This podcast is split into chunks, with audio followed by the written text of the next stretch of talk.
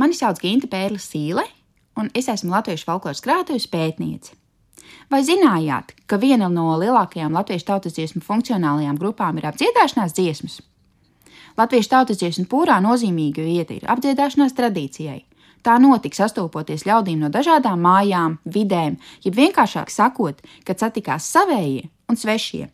Šādas dziesmu kara liecības redzam dažādos godos, piemēram, kāzās, gan arī talkās un gadsimta svētkos, piemēram, Jāņos vai Ziemassvētkos. Atdziedāšanās rituālā izvēlētajiem dziesmu repertuāram ir dažādi mērķi un uzdevumi. Viens no tiem sakņojas vēlmē aizsargāt, proti, pirmotnējos priekšstatos, ka pasakot, izspēlējot negatīvo, tas nepiepildīsies. Piemēram, vedekla vīrmātei droši vien neklāja skuju palagu un nebaroja driģeņu sulu. Savukārt otrajā daļā dziesma redzama pušu salīdzināšanās. Dziesmā nopeļot pretinieku, bet lielot savējo. Pie kam liela daļa šo dziesmu balstās pārspīlējumā. Dažas nekārtīgas matu šķipsnes varēja izaugt par putna perēkli uz galvas, salāpīts apģērbs, par skopumu vai nabadzības piesaukšanu. Ja izskatu skatām kopā ar personas uzvedības apdziedāšanu, kuras nereti skāra goda, tā skaitā arī seksuāls jautājums, tad apdziedāšanās dziesmas ļauj ielūkoties sava laika sabiedrības normās. Un tādējādi apdziedātājs mēs varam salīdzināt ar kārtības uzturētāju. Ļoti daudzās dziesmās ir teikts, ienaidīju neturiet, kas liecina, ka apdzied, lai veicinātu pozitīvo, labo, ka viss nav jāsaprot tieši, bet caur mājienu.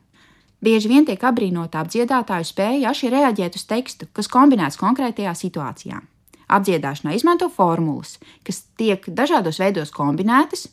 Sākums dziesmai lielākoties ir vispārīgs, kas pievērš uzmanību, uzrunā, piemēram, nāciet ļaudis skatīties, sen dzirdēju, nu redzēju, ko meitiņa tu lielies.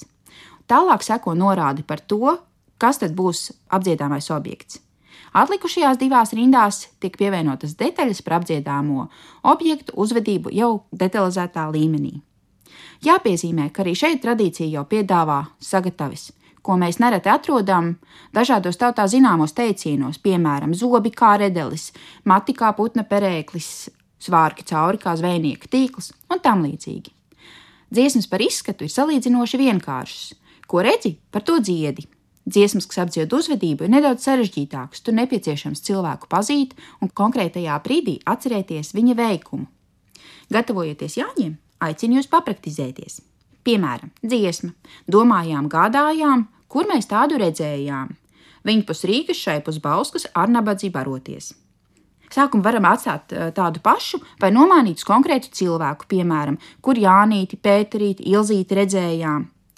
Varam nomainīt vietu, kur redzējām, piemēram, Rīgā Doma laukumā vai kādas ielas krodziņā. Varam redzēt meža parka estrādē, pārdaugovas skvēriņā un tam līdzīgi.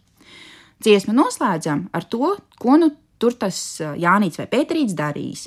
Bāries, kāvies, klaigājis, varam pievienot par ko bijis konflikts, Varam pievienot arī individuāli veicams aktivitātes, piemēram, dzērumā pakritis, iesnaudis, suņu sēnes lasījis, svešu naudu dalījis, koncertzālē vietu skatījis un tam līdzīgi. Lai lustīga apdziedāšanās dziesmu veidošana!